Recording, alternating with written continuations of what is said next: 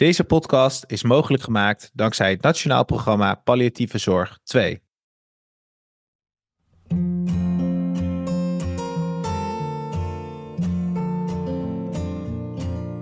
Beste dames en heren, welkom bij een nieuwe aflevering van de Current Podcast.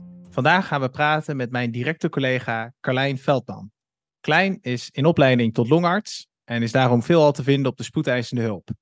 En vandaag gaan we met haar praten over een onderwerp die veel op de spoedeisende hulp voorkomt: het afspreken van behandelbeperkingen met patiënten. Carlijn, welkom. Dankjewel. Ja, leuk dat je er bent. Uh, nou, maar direct even de deur in huis vallen. Wat zijn behandelbeperkingen? Uh, behandelbeperkingen zijn uh, afspraken die je maakt samen met de patiënt Um, om ervoor te zorgen dat als de patiënt heel erg ziek wordt, dat duidelijk is welke handelingen de behandelaar wel moet doen en welke behandelingen de behandelaar vooral niet moet doen. Um, en dat kan iets zijn wat de behandelaar beslist wat beter is voor de patiënt, maar soms kan het ook zijn dat de patiënt zelf beslist dat hij uh, bepaalde behandel behandelingen niet meer wil. Um, en de behandelingen zijn dan vaak waar we over praten, is uh, reanimeren.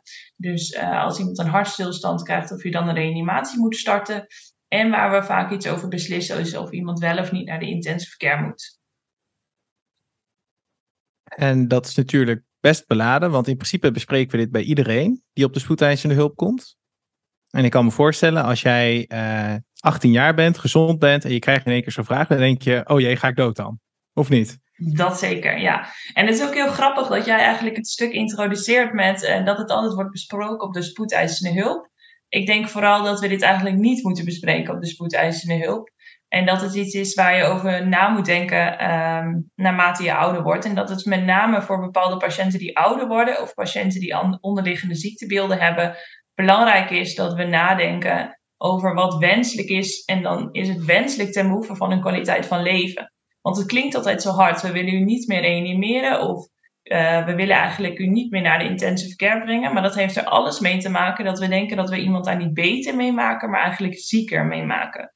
Of dat iemand juist komt te overlijden.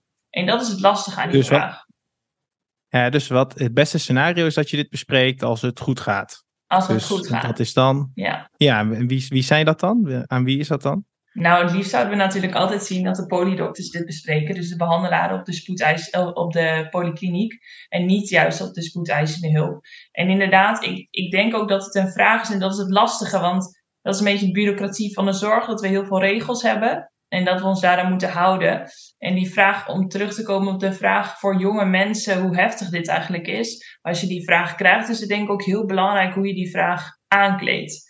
Um, en dat het belangrijk is dat je zegt, het is een, voor jonge mensen in elk geval, het is een protocolaire vraag en we moeten het stellen omdat u ook mag aangeven dat u dat bijvoorbeeld niet meer zou willen. Want er zijn ook best mensen waarvan wij als dokters op 60-jarige leeftijd zeggen, nou, um, wij willen u nog wel reanimeren, we denken dat dat nog kwaliteit van leven geeft. Uh, maar waarvan de patiënt zelf zegt, nee, ik wil dat niet meer en dan mag de patiënt dat ook aangeven. En dan is het wel belangrijk om die vraag gesteld te hebben. Ja, en ik wil natuurlijk zo meteen nog veel meer horen hoe je dat dan precies doet. Maar uh, misschien is het goed om eerst wel eens uit te leggen, wat betekent nou een reanimatie voor iemand? Uh, ja, wat, wat, wat, wat mensen denken, ja, het hart stopt en dan probeer je hem weer op gang te krijgen. Maar wat, hoe ziet zo'n zo'n traject eruit voor een patiënt? Ja, dat is een goede vraag. Heel veel mensen denken inderdaad dat uh, reanimatie inhoudt dat je drie keer op iemands borst drukt en dat dan het hart het eigenlijk weer gaat doen. Um, ja, zo werkt het wel bij, bij Grey's Anatomy, toch? Ja, bij Grey's Anatomy werkt het zo. Ja, ja, ja. Zeker. Um, maar helaas in de praktijk uh, is het wel een stuk heftiger. En, en, ligt het er ook aan hoe lang de reanimatie duurt, wat, uh, wat de uitkomsten zijn. Um, maar je wordt, wordt, het is een lange procedure waarbij veel op de borst wordt gedrukt. Je kunt uh, je ribben breken. En wat heel belangrijk is om te weten, is dat als je wordt gereanimeerd, word je eigenlijk per definitie ook geïntubeerd. En dat betekent dat er een beademingsbuisje in je keel komt. En het grappige vind ik zelf dat als je het gesprek aangaat met veel patiënten, dat heel veel patiënten zeggen: Nou, reanimeren, dat wil ik nog wel, maar beademen wil ik niet meer. Maar dat staat niet los van elkaar. Als je gereanimeerd wordt, dan word je ook per definitie geïntubeerd. En dan word je, uh, krijg je een beademingsbuisje op de intensive care en word je in slaap gebracht. En dat is ook het grote, uh, het grote euvel van de reanimatie Maar ook van het beademen is dat je dus in slaap wordt gebracht met slaapmiddelen, waardoor je spieren eigenlijk niet meer meewerken. En je verliest dus heel veel spierweefsel op de intensive care. En dat is ook de reden uh, waarom je zo lang moet revalideren nadat je daar hebt gelegen. Ja, want je hebt ook een tijdje op de, op de intensive care gewerkt. Dat uh, klopt. Begreep ik, hè? Ja. Ja, ja. Dus je spreekt ook uit eerste hand dat mensen gewoon heel veel verliezen op zo'n, uh, als ze een week bijvoorbeeld op bed liggen. Ja, ze zeggen over het algemeen is de stelregel dat elke opnamedag op de intensive care betekent na opname op de intensive care een week revalideren. Dus precies, als je daar, precies. je kunt voor een reanimatie stellen dat als het heel soepel verloopt, uh, dat je daar een aantal dagen ligt, dan moet je een aantal weken revalideren. Het punt is ook dat als je eenmaal op de intensive care terechtkomt, dat de uh, kans op complicaties, dus dat er iets misgaat gedurende de opname op de intensive care, een stuk groter is dan op de gewone verpleegafdeling. Als je dat er ook nog bij krijgt en je uh, overleeft dat, dan uh, duurt de revalidatie alleen maar langer. En dat is dan alleen nog maar de revalidatie van de intensive care. Dan moet je ook nog de hartrevalidatie doorlopen. Dat betekent het herstel van je hartinfarct aan zich. Als je dat bij elkaar optelt, dan betekent het dat je na een uh, reanimatie eigenlijk een marathon moet lopen. Zo kun je het denk ik wel stellen om te genezen. En dat is eigenlijk voor jonge mensen um, een hele sport. Om het maar bij de sporttermen te houden. Precies, precies. Dus het is keihard werken, zo'n revalidatietraject. En, um, dus dit ja, en dan toch is de spoed wel vaak een moment dat zoiets besproken moet worden. Um, hoe, hoe gaat dat in zijn werk? Dus stel voor je neemt iemand uh, van 90 jaar op met een longontsteking om even bij de longziekte te houden. Uh, is dat dan iets wat je zelf beslist of met uh, de specialist? Hoe gaat dat in zijn werking? Nou, vaak is het zo dat als je wordt opgenomen op de spoedeisende hulp, dan zie je de artsassistent die uh, ziet de patiënt. En de artsassistent overlegt de patiënt um, met de achterwacht, dus met de baas. Um, en de achterwacht kan dan ook samen overleggen ten aanzien van het behandelbeleid. En soms komt de achterwacht als hij twijfelt ook in huis en komt meekijken naar de patiënt. Maar dan wordt samen besloten op basis van de medische gegevens en de leeftijd van de patiënt, in combinatie met de biologische leeftijd van de patiënt, of het wel of niet wenselijk is dat iemand wel of niet gereanimeerd wordt. Dat hangt er ook vanaf, heeft iemand bijvoorbeeld goede longen? Want kun je iemand überhaupt wel beademen? Wij op de longziekte zien bijvoorbeeld heel veel patiënten die relatief heel jong zijn, maar eigenlijk hele oude longen hebben en zieke longen, die je niet meer kan beademen.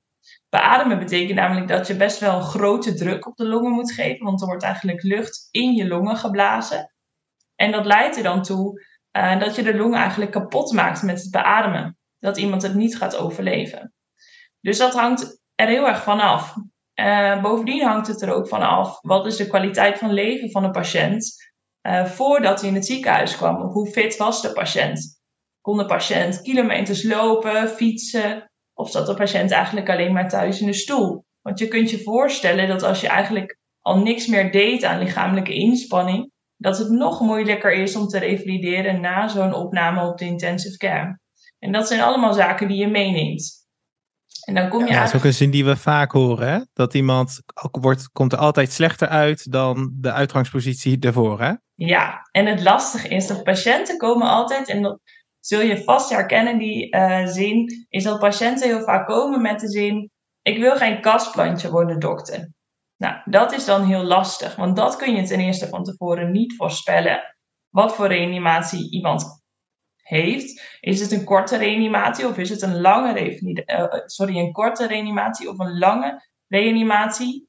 Uh, waarbij iemand een lange tijd geen zuurstof krijgt in het brein. Dan kan het wel zijn dat je de reanimatie overleeft, dat je hart weer gaat kloppen, maar dat het brein zoveel schade heeft opgelopen dat je niet meer goed kan functioneren. En dat functioneren kan dan verschillen van inderdaad wat patiënten noemen een kastplantje.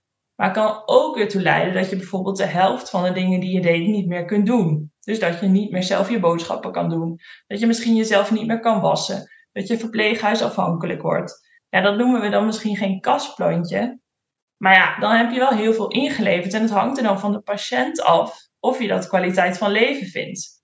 Dat hangt heel erg is heel erg afhankelijk van de individu. En wij kunnen dat van tevoren ook niet voorspellen.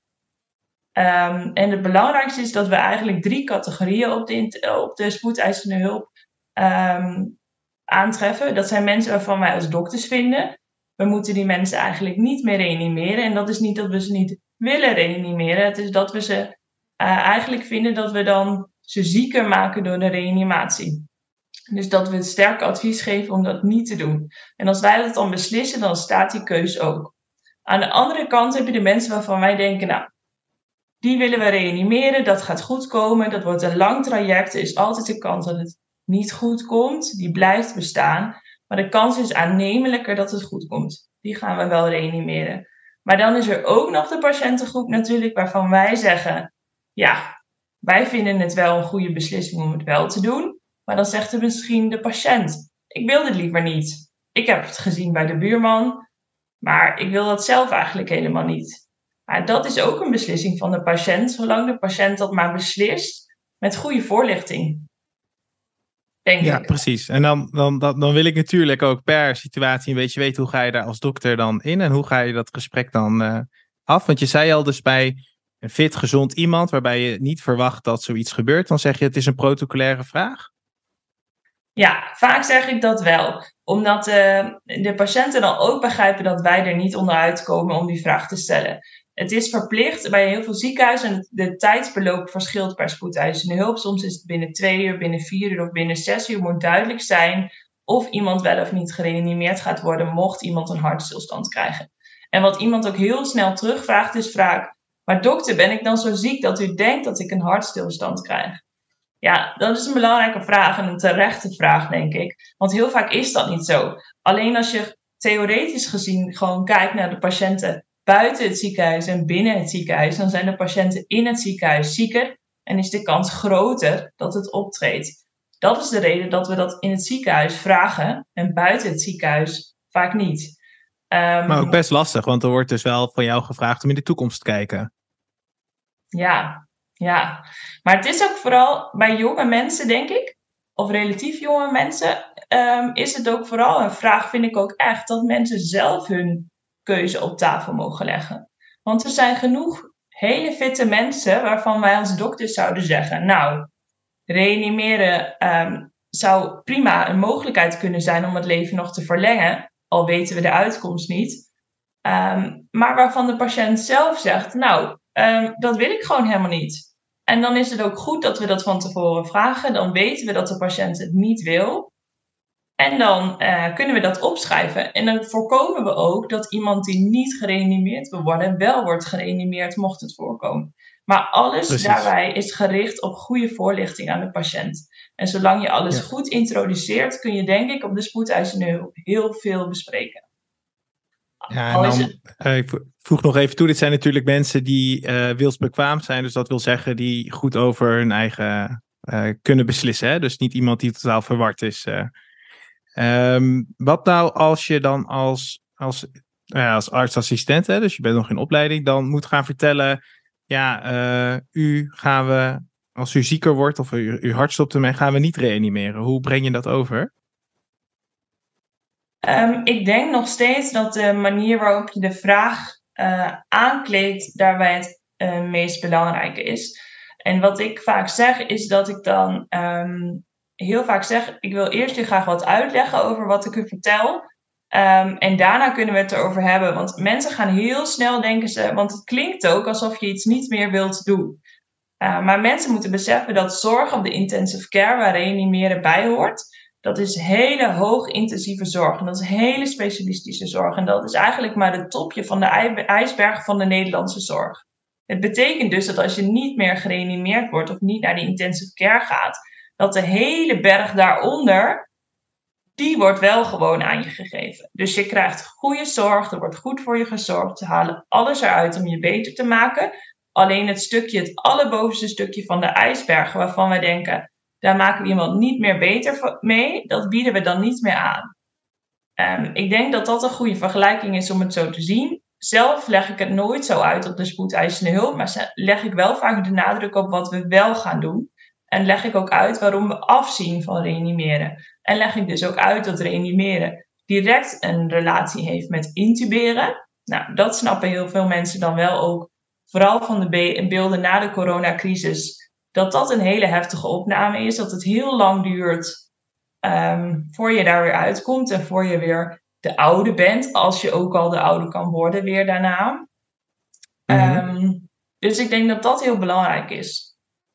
En wat voor reacties krijg je dan als je dit zo vertelt aan uh, patiënten?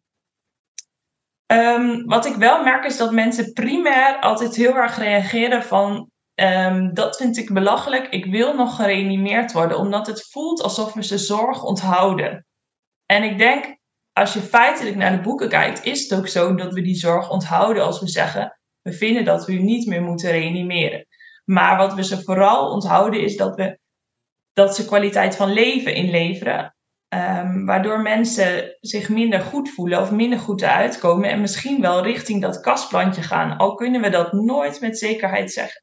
En dat is ook het lastige aan de hele geneeskunde. Maar ik denk als je dat vertelt wat we wel doen, dat je uitlegt dat we alles daaronder wel geven, dat je uitlegt wat een opname op de intensive care is wat het voor lang revalidatietraject inhoudt, dat heel veel patiënten eigenlijk uiteindelijk wel begrijpen waarom je daarvoor kiest. Alleen het lastige is dat op de spoedeisende hulp je geen bedenktijd hebt. En als je het op de polykliniek van tevoren met de patiënt kan bespreken, dan kan de patiënt naar huis gaan, kan hij nog informatie opzoeken, met zijn naasten bespreken en terugkomen naar de poli om daar een beslissing over te maken. Als je het op de spoedeisende hulp bespreekt, wil je eigenlijk direct een ja of een nee. Want als jij dan als dokter zegt, wat wel gebeurt, denk ik, ik denk dat jou dat ook wel eens is overkomen, Nick, dat je zegt, um, nou, ik begrijp het. Ik begrijp dat u nu zegt, ik wil dat ik wel gereanimeerd word. Want uh, ik wil dat. Omdat mensen nog niet zo ver zijn om daarover na te kunnen denken in het acute moment. Dat je, kun je eigenlijk niet zeggen, we doen nu wel reanimeren en we doen het morgen, misschien bespreken we het opnieuw. En dan zegt de patiënt vaak, ja dokter, u heeft eigenlijk wel gelijk. Ik denk inderdaad dat u mij daar niet meer beter mee maakt. Dus ik vind het goed als we dat niet meer doen.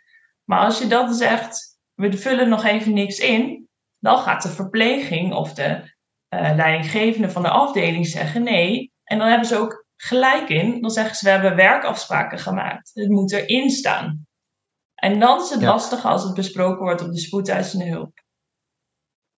Precies, maar de reden dat die afspraken er zijn is om te voorkomen dat je dus iemand onterecht een super intensieve behandeling geeft. Ja, we hebben recent nog gehad dat iemand die had een niet reanimeren beleid en een niet beademen beleid. Um, en dat is niet gecommuniceerd met de woonplek van de patiënt. Die patiënt woonde in een verpleeghuis. En die patiënt is bewusteloos zonder hartslag aangetroffen. En is daarop gereanimeerd en zelfs geïntubeerd. Um, dus die patiënt is naar het ziekenhuis gekomen met een beademingsbuisje in de keel hebben ze um, lang moeten reanimeren, dus lang op de borstkas moeten drukken. Nou, je kunt je voorstellen dat die borstkas dan helemaal beurs is.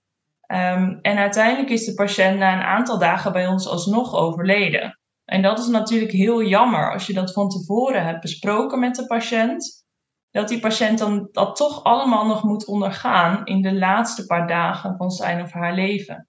En dat wil je eigenlijk voorkomen. Dat iemand op zo'n moment dan morfine kan krijgen als pijnstilling of om de benauwdheid tegen te gaan. En dat iemand in de nabijheid van zijn naaste kan overlijden. Dat is wat je wilt.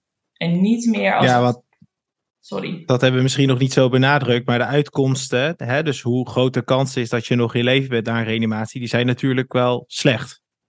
Ja, dat klopt. En dat hangt volledig af van de leeftijd ook. We weten dat hoe ouder de patiënt is, uh, hoe, hoe, groter de kans, hoe kleiner de kans eigenlijk is dat je er goed uitkomt. En mensen zeggen vaak, ja, dat is leeftijdsdiscriminatie. Maar de onderzoeken hebben helaas gewoon uitgewezen dat hoe ouder je wordt, um, hoe slechter je eruit komt als je een reanimatie krijgt. En ook opname op de intensive care um, is heel heftig voor een oudere patiënt. Als je alleen al kijkt naar de uh, kansen, bijvoorbeeld los van de uitkomsten van um, de reanimatie zelf hebben oudere patiënten een hele hoge kans op het ontwikkelen van een delier in het ziekenhuis. dat is verwardheid en dat komt simpelweg omdat ze een kwetsbaarder brein hebben dan de jonge mensen. Ehm, en dat is heel lastig te behandelen ook. En dat is de reden waarom we die mensen daar graag eigenlijk voor willen beschermen. Maar het voelt alsof we die zorg onthouden voor patiënten. En dat snap ik soms, dat het zo overkomt. Ja, en we hebben nu al twee uh, situaties besproken, dus de wel en niet. Maar stel voor uh, je twijfelt, want ik kan me voorstellen dat dat best wel ook voorkomt. Dat je denkt, ja, ik weet het niet zeker wat goed is. Hoe ga je dan zo'n gesprek aan? Ik denk dat eerlijkheid het langst duurt in de geneeskunde. Um, en dat je dat bespreekbaar moet maken met je patiënt. En dat je eerlijk moet zeggen, soms denk ik, weet ik eigenlijk zeker en kunnen we ook zeggen op basis van wetenschappelijk onderzoek, het is in uw geval niet wenselijk om u te reanimeren, dan weten we eigenlijk zeker dat u er slechter uitkomt dan dat u er uh, nu ingaat. Of we weten eigenlijk zeker dat u op de intensive care dan zou komen te overlijden. Maar in dit geval weet ik het niet zeker. Nou, dan moet je de voor's en tegens van zo'n traject, denk ik, bespreken met je patiënt en goed uitleggen wat zo'n heel traject betekent. En dat hoeft dan in zo'n geval, als je twijfelt, is mijn mening misschien niet altijd op de spoedeisende hulp volledig besproken te worden. Dat kan ook een dag later. Maar ik denk wel dat als je twijfelt, dan verdient de patiënt het ook om te weten dat je twijfelt. En zolang je het dan niet benoemt of zegt: Oh, dat is prima, als u gereanimeerd wil worden, dan schrijf ik dat voor u op. Dat is fijn om te weten. Dat je dan wel zegt: Nou, ik heb wel mijn twijfels daarbij en ik zal u uitleggen waarom. En als je dat maar uitlegt waarom je dat hebt, dan begrijpt de patiënt je denk ik uiteindelijk beter. Want de patiënt heeft gewoon recht op een eerlijke mening van de dokter. Ja, ja. Dat is natuurlijk niet altijd een makkelijke optie. Want het is best een lastig gesprek om te voeren. Ben je er ook beter in geworden over de loop van je opleiding? Ja, zeker. Als ik denk, en ik denk dat elke dokter dat heeft, als je terugdenkt aan wat je twee of drie jaar geleden in dezelfde situatie hebt gedaan, um, dat je soms denkt, wat heb ik toen in hemelsnaam gezegd of gedaan? Of waarom legde ik het toen zo uit?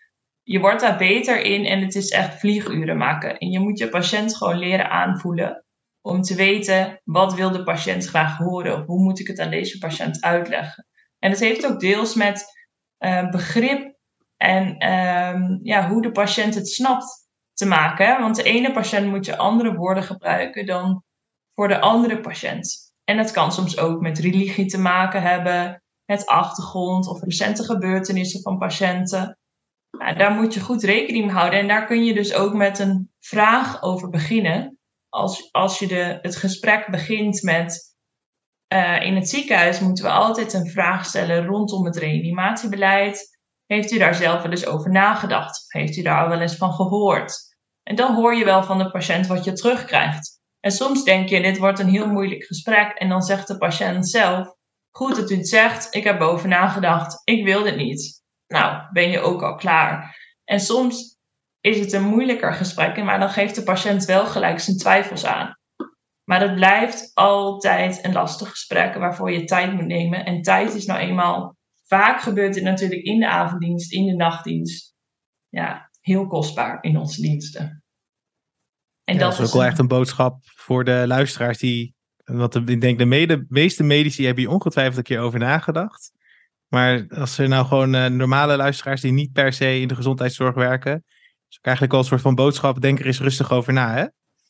Ja, ik denk dat het heel goed is dat we patiënten er bewust van maken dat je mag nadenken over wat je wilt als je ouder wordt. En dat het nadenken ook heel confronterend is, begrijp ik. En begrijpen wel zorgverleners, denk ik allemaal. Maar los van deze vraag of je wel of niet gereanimeerd zou willen worden, of je wel of niet naar de intensive care gaat, zijn er meer vragen waar je over na kan denken. Wil ik wel of niet nog een nieuwe heup als mijn uh, heup breekt? Moet ik dan nog naar de operatiekamer? Um, wil, ik, um, wil ik eigenlijk nog alles uit de kast halen als ik zieker word? Of denk ik dan, dit is misschien ook een fijne manier om um, te overlijden uiteindelijk. En dat klinkt dan heel cru om het zo te zeggen. Maar vooral voor de hele oude patiënten kun je je afvragen of dat gesleep in en uit het ziekenhuis altijd de wenselijke optie is. En ik denk dat als je dat maar bespreekbaar maakt met je patiënt, dat je heel ver komt.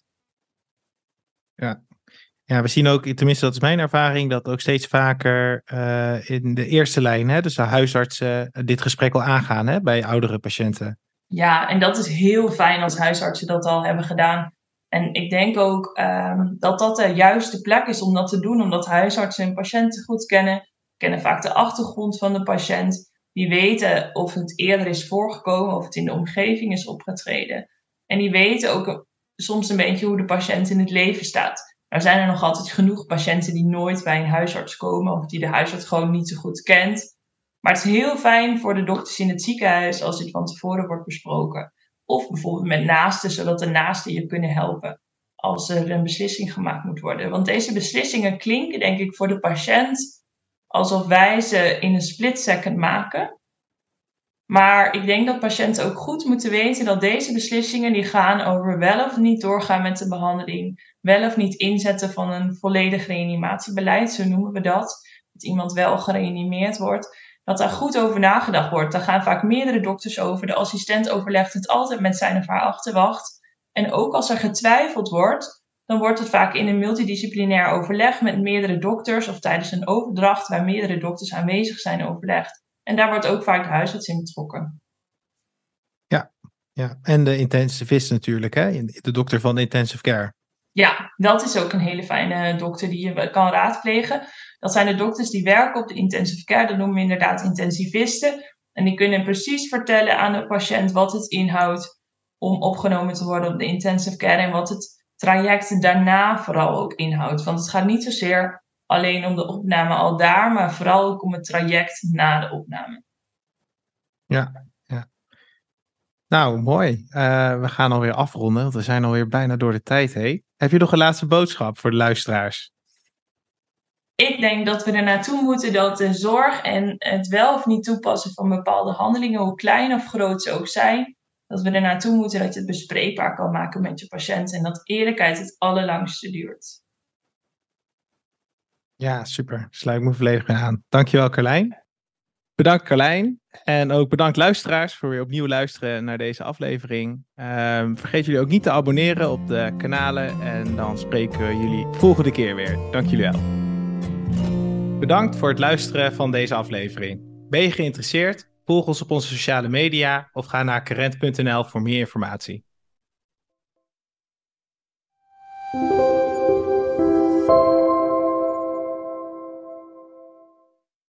Deze podcast zou niet mogelijk zijn zonder onze samenwerkingspartner, het Nationaal Programma Palliatieve Zorg 2 van Stichting Palliatieve Zorg Nederland. Zij maken kennis en ervaringen beschikbaar via de websites overpalliatievezorg.nl voor patiënten en palliaweb.nl voor zorgverleners. Tot volgende week.